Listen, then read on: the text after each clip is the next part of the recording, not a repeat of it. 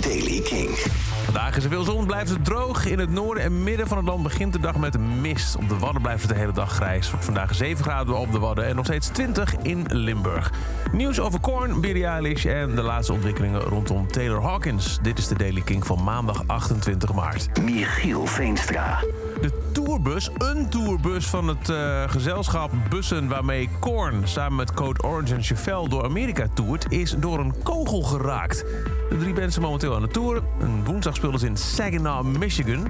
Donderdag hadden ze een vrije dag in Davenport, Iowa. En daar werd de bus beschoten. Ging door de buitenkant van de bus en belandde in de cabine zelf. Maar er was niemand aan boord van de bus toen de schietpartij plaatsvond. Er zijn geen verdere details bekendgemaakt nor wie normaal in die bus zit die dan beschoten is. De Oscars dus afgelopen nacht. Beste soundtrack ging naar No Time To Die van Billie Eilish en Phineas, hun eerste Oscar. En dan Taylor Hawkins. Ja, je hebt het in het Daily King niet gehoord, maar waarschijnlijk vast wel ergens anders. De drummer van de Foo Fighters is afgelopen weekend op 50-jarige leeftijd overleden. Uh, inmiddels is er wat meer bekend over zijn doodsoorzaak. De Colombiaanse procureur-generaal heeft via Twitter laten weten... dat er in het lichaam van Taylor Hawkins sporen van tien verschillende stoffen zijn aangetroffen.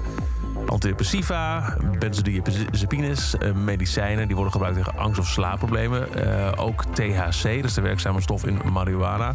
En er zijn verschillende nog onbevestigde bronnen dat er ook cocaïne op zijn kamer zou zijn gevonden. Maar, en of, nou, of dat ook tot zijn dood heeft geleid allemaal, dat is allemaal nog niet bekend.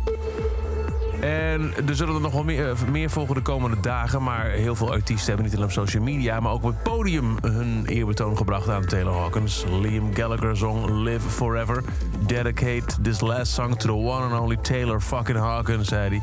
This is for you, brother. Grote foto van Taylor Hawkins boven het podium en toen Live Forever. Elton John speelde Don't Let the Sun Go Down on Me voor Taylor Hawkins. Hij noemde hem one of the greatest drummers and nicest people. This song is for him, his family, his wife and his children. En ook bijvoorbeeld Mammoth WVH en Stereophonics hebben in um, hun shows um, nummers van Foo Fighters gezongen. Nogmaals, dat zullen er nog wel meer zijn de komende tijd. Inmiddels is Foo Fighters zelf, de rest van de band weer terug in L.A. Ja, en hoe nu verder? Dat moet allemaal nog maar blijken.